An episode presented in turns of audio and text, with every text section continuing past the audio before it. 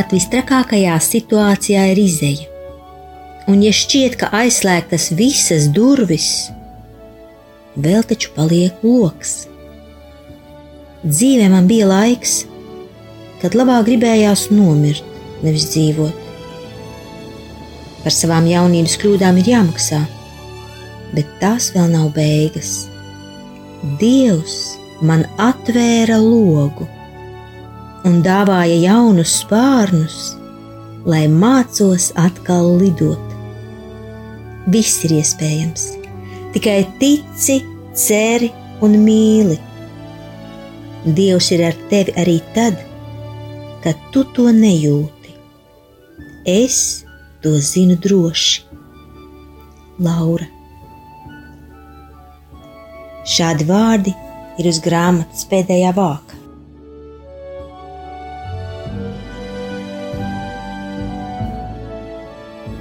Lasīsim ceturto fragmentu no Lauras Niedras dzīves stāsta, vai baltajiem zirgiem jāpaliek sapnī.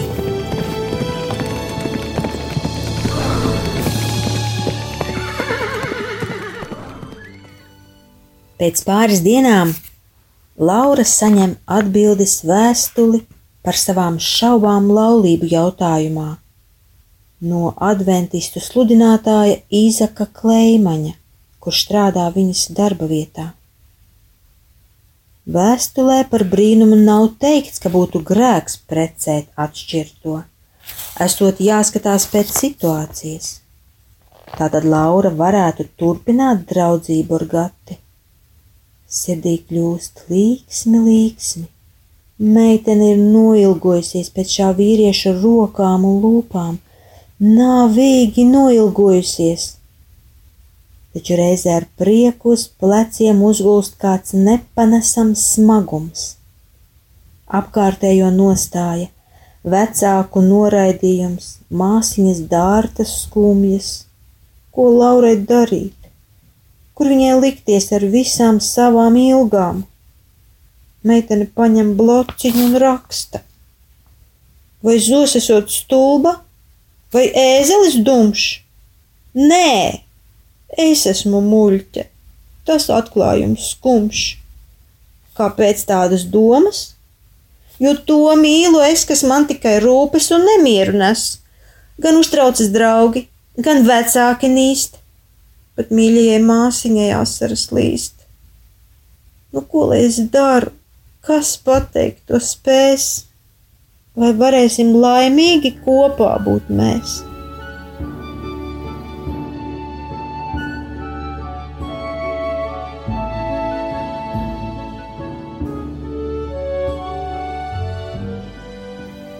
Laura turpina nest šo neparasti smago laimi.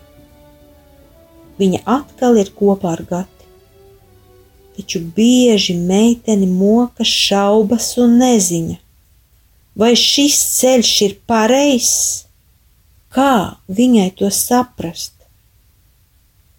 Gatis uzaicina meiteni apmeklēt savu adventistu baznīcu. Viņa gan ir piesardzīga, un pārmet neskaitāmus krustus pirms pārkāpi šā dievnama slieksni. Taču aizspriedumi drīz pazūd, jo Laura redz, ka te nekas slikts nenotiek, un ka dievkalpojumi ir pat līdzīgi luterāņu dievkalpojumiem, arī daudzas dziesmas vienādas. Drīz vien Laura ne tikai apmeklē šā vīriešu baznīcu, bet iesaistās arī adventistu rīkotā seminārā, kurā uzzina daudzas jaunas lietas. Meitene cenšas pieņemt šīs viņu sludinātās, Bībelē atrodamās patiesības un bez ierunām sekot tām, jo viņas lielākā vēlēšanās ir klausīt dievam. Adventistu sludinātājs citē rakstu vietas, kurās teikts, ka jāsvin sabats, nevis svētdiena, ka jāatsakās no cūgaļas, ka jāpārkristās pa īstam baseinā, ka jāatmet krusta mešana, ka sestdienās nedrīkst neko pirkt un tā tālāk. Laura visam tic, jo tā taču saka Bībele. Dzīvais dieva vārds, augstākā autoritāte viņas dzīvē. Laura dara visu, ko no viņas prasa Dievs. Viņa vēlas pildīt tikai dieva gribu. Visgrūtāk meitenei pieņemt pārkristīšanos, jo viņai šķiet, ka kristību veids lietas būtību nemaina, taču beigās Laura piekrīt arī tam, ja jau mīļais dievs tā vēlas. Laura ir tā kunga kalpone, viņa vēlas padoties visvarenā dieva gribai, tā Laura kļūst par adventisti. Protams, smagi meitenei šķirties no vecās mīļās luterāņu draudzes, līdz asarām smagi, bet pildīt dieva gribu ir vissvarīgākais Lauras dzīvē. Viņa ar prieku iesaistās arī jaunās draudzes korī un drīz vien jūtas tur kā starp savējiem. Uz kori Lauru vadā Gatis savā siltajā mašīnā. Viņš sēž mēģinājumos un pacietīgi gaida beigas. Meitene jūtas ļoti īpaša par tādu gaidīšanu. Pēc tam viņš šādi aiziet uz kādu kino, bet neko daudz neredz, jo lielāko filmas daļu pavada skūpstoties. Meitenei arī neinteresē šīs filmas, ko izvēlas Gatis, jo tie visu laiku ir bojeviki. Cits kino šo vīrieti nesaista, un Laura negrib piespiest Gati skatīties to, ko viņš nevēlas māju ceļā. Viņi skūpstās pie katras luksaforu sarkanās gaismas. Mazdai ir tumšie stikli, tāpēc to var atļauties droši, un Laura ilgojas pēc šīm sarkanajām gaismām, jo gata skūpsti ir saldāki par medus raušiem. Pēc pāris dienām Gatim jādodas darba darīšanās uz Krieviju. Viņš bieži braukā pa pasauli, pērk, pārdod, remontē mašīnas. Šoreiz plāno pārdot sarkano Laurai mīļo mazdu. Viņi apmainās ar adresēm, un Laura apsolās rakstīt. Gatis solās zvanīt, cik vien bieži iespējams. Nu, Laura ir viena. Gatis ir aizbraucis uz nezināmu laiku. Jā, viņš zvana regulāri trīs reizes nedēļā, pulksten desmitos vakarā. Bet Laurai tagad ir daudz brīva laika pārdomām un vientulībai. Kā viņa jūtas bez gata? Ko šis vīrietis nozīmē Lauras dzīvē? Meitene atzīst, ka viņai ir grūti bez gata, bet vai tas ir īstais viņas dzīves vīrietis, par to vēl ir milzīgas šaubas Varbūt Laura patiešām ir jaunības akluma skarta un nemaz nesaredz to, ko citi viņai jau sen cenšas iestāstīt. Nesen pie Lauras bija pienākusi grupas auklīte un centusies runāt daudz vārdā. Mēs par tevi uztau, uztraucamies, Laura, tev šis vīrietis galīgi neder. Varbūt tu to neredzi, bet no malas labāk redzams, tici man. Un tu esi vienīgā, kas uzķērās, zini? Gatis tikai meklē Jāni mammu, un vēl viņš grib meitiņu. Šķiroties viņš meitu zaudēja, tagad vēlas dabūt citu. Reiz pat vienlaicīgi četrām meitenēm esot teicis, ka taisīšot pašnāvību, ja tās viņu pametīšot. Padomā labi, mēs tev gribam tikai palīdzēt apdomāties. Laura parasti netic tukšām pļāpām, bet ja nu tiešām tā ir patiesība, un meitene drīzumā apņemas uzrakstīt Gatim vēstuli.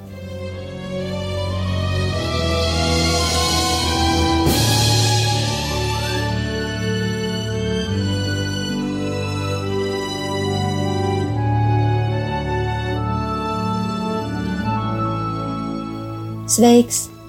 Tālajā pasaules malā. Gribēju šovakar palasīt grāmatu bet nekur tālu netiku, jo iekšā visu laiku skanēja viena doma - uzraksti gatim, uzraksti gatim. Tā nu ņēmu papīra lapu un rakstu tev. Sākšot jauko. Līdz šim šaubījos, vai ir nepieciešams atklāt tev savas pozitīvās emocijas, jo pati nezinu, vai tās ir pastāvīgas. Bet aizvien grūtāk ir noturēt šādus vārdus iekšā, un īstenībā nezinu, vai šādai klusēšanai ir nozīme. Tad, kad tu atvadoties man mašīnā teici, ka tev ir ļoti labi ar mani, es ar varu iespiedu sevī atpakaļ vārdus, man arī, man ir ļoti, ļoti labi ar tevi. Mēģinu sevi saprast, un saprotu, ka man ir bail tevi par daudz iepriecināt. Es zinu, ka man ir labi ar tevi, ka man tevi vajag, taču man ļoti bail tev dot pārāk lielas cerības, jo pati esmu šaubu pilna. Vai man ir tiesības vienkārši draudzēties ar tevi, iepazīt tevi, būt mīļai pret tevi, ja man tā prasās? Vai man ir uzreiz simtprocentīgi jāzina, ka tu esi īstais? To nav iespējams uzreiz zināt.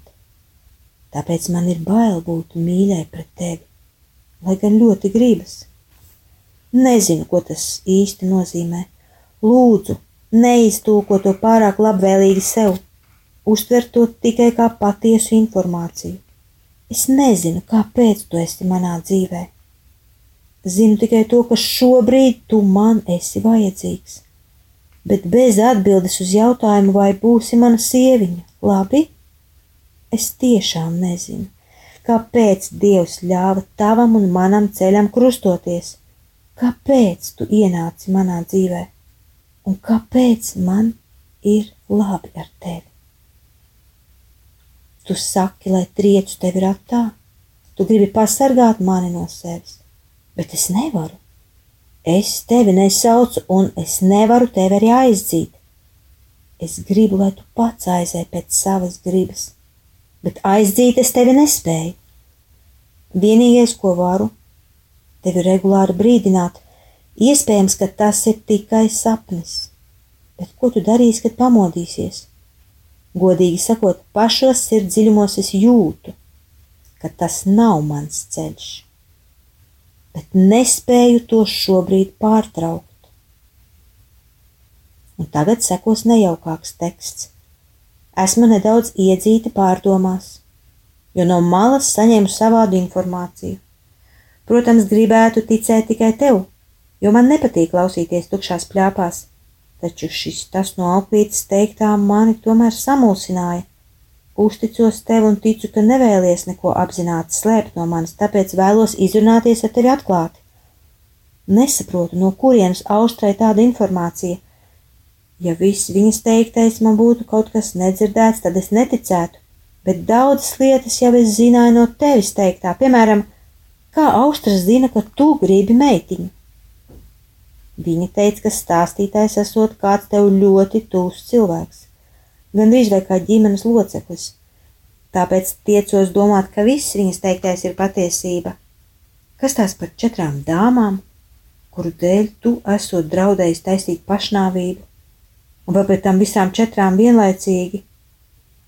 Tu taču stāstīji, ka meitenes tev pakaļ skraidījušas, bet šeit informācija ir apgrieztā veidā, kaut kā dīvaini. Redz, kāda tev nejauka pirmā vēstule sanāca. Piedod, ja tā nav taisnība. Ļoti gaidu tevi mājās, Laura.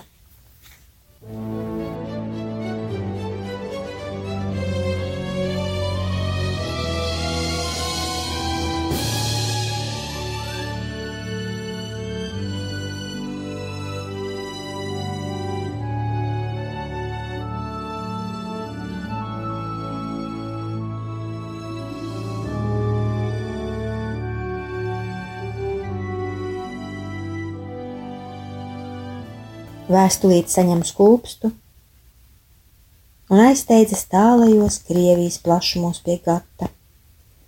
Rakstisku atbildi Laura nemaz necer sagaidīt, jo Gatis nav nekāds labais rakstītājs, taču zvans atskan itin drīz.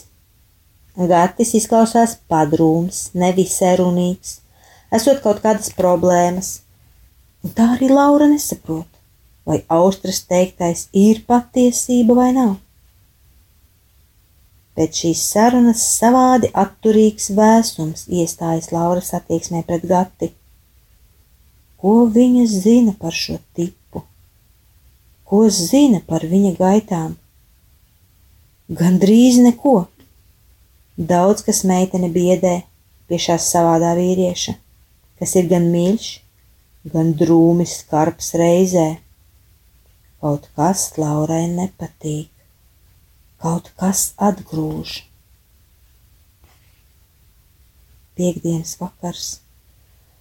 Laura brauc uz kora mēģinājumu ir augsti, un autobus velkas tik lēni.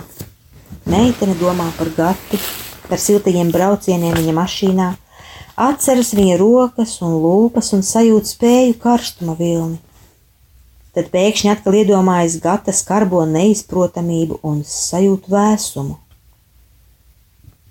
Jā, šis vīrietis visticamāk nav domāts Laurai šai smalkajai, trauslajai, jūtīgajai būtnei. Bet kā lai pārtrauc šīs attiecības, ja tās ir pašā plaukumā? Ja Laura tikko ir iepazinusi nekad neizjustas savādas, trīsas un ilgas. Laura mīl gati, to viņa zina, tikai ar kuru no trim mīlestībām. Un ja no ar juteklisko, seksuālo. Meitene nolēma nopietni ieklausīties sevī, savā klusajā iekšējā balsī.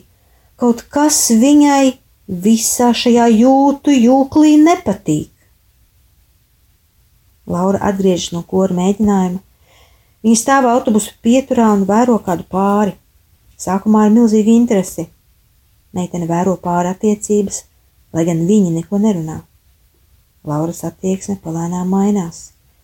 Viņa sajūt kaut kādas iekšējas skumjas, dziļi apslēptu smeldzi. Beigās Laurai pat sāk nākt smiekli par šo pāri, un viņa negrib uz tiem vairs skatīties. Labi, ka pāris sagaidīja savu transportu, aizbrauc. Tūlīt pienāk arī Lauras autobus, tikko apsēdusies meitene atkal tver pēc sava blociņa. Stāv pāris pieturām Viņš nopietns, piedzīvojis, vecs. Vecs? Jā, pie 30. Šī jauna, naiva, dieva tā kā dēlis un interesanti muļķīgs smaids klāj viņas seju. Es vēroju ar interesi. Laiks iet. Es vēroju ar skumjām. Laiks iet. Es vēroju riebumu. Laiks iet. Kāpēc man riebi? Vai kaut kas sāp? Jā, neziņa. Tā sāp. Mēs sāpam. Mūsu nākotne sāp. Vai mēs izskatāmies tikpat skumji, smieklīgi kā viņi? Lauru pārņem savāda grūtsirdība. Vai aizsūtīt Gatim šo pārdomu zejoli, bet vai viņš gribēs tādu savārstījumu lasīt? Svešs pāris taču ir svešs pāris, bet Gatis ir Gatis, Gatis nav vecs. Vismaz to Laura gribētu sev iestāstīt. Laura joprojām nesajūt mieru. Meitene ir dzirdējusi, ka sirdsmiers ir viens no rādītājiem, ja dara to, kas sakrīt ar dievu prātu. Kāpēc Lauras sirdī nerodas miers? Kāpēc? Meitene ir šaubu pilna. Bet kā viņa var pamest gati un sāpināt viņu? Viņš taču nav to pelnījis.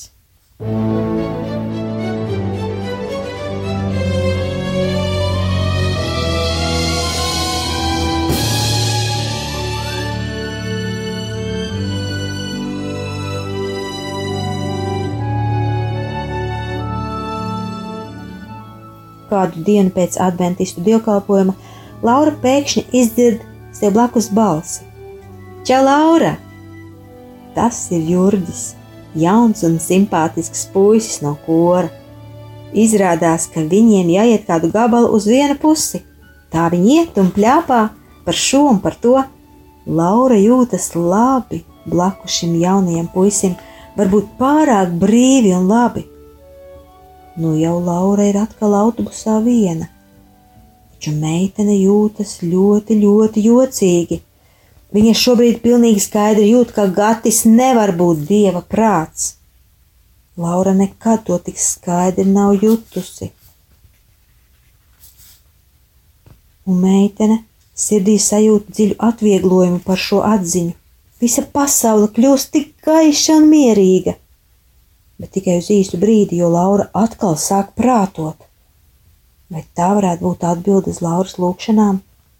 Nē, ar to vien nepietiek, ar to ir par maz. Meitenei laikam vajag nopietnākus šķēršus nekā tikai apziņu, ka tas nav viņas sapnis un ideāls. Laura ir spējīga nodarīt sev pāri, lai tikai nesāpinātu citus, bet vai tas ir pareizi? Ja tas būtu tik vienkārši, tad nebūtu ko domāt.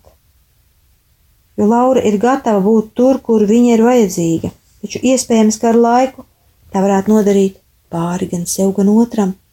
Ja nu meitenei kādreiz pasprūk tas, ka viņa nekad nav vēlējusies sev tādu dzīvi, Laurai bail no šās dienas sajūtas, jo viņa neskapēc jūtas pilnīgi brīva meitene. Laura neko sev nevar padarīt, vienīgi jautāt dievam, kas noticis, kā to saprast, ko viņš grib ar to teikt. Vēlāk meitene tomēr jūt, ka ir nedaudz iegājusi vecajās sliedēs, varbūt samierinājusies, varbūt ieskaidrojusi sev, ka neko jau nedrīkst mainīt. Viņa pat domās nolamās sevi par riebekli, ka varējusi pieļaut tādu domu un tādu brīvības sajūtu. Palēnām Laura atdzīvina sevī mīļas domas pret gati. Viņai atkal gribas šā vīrieša roku. Meitene visu vakaru nebeidz sevi lamāt un kaunināt par šās dienas domām, bet tomēr kāpēc tādas radās? Pašā vakarā zvana Gatis. Laura ir priecīga viņu dzirdēt.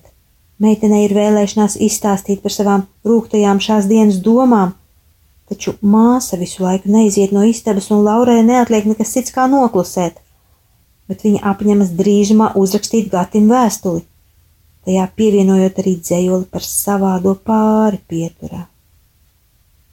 Gatis vēstuli ir saņēmis. To meitene dzird pēc viņa neapmierinātās balss.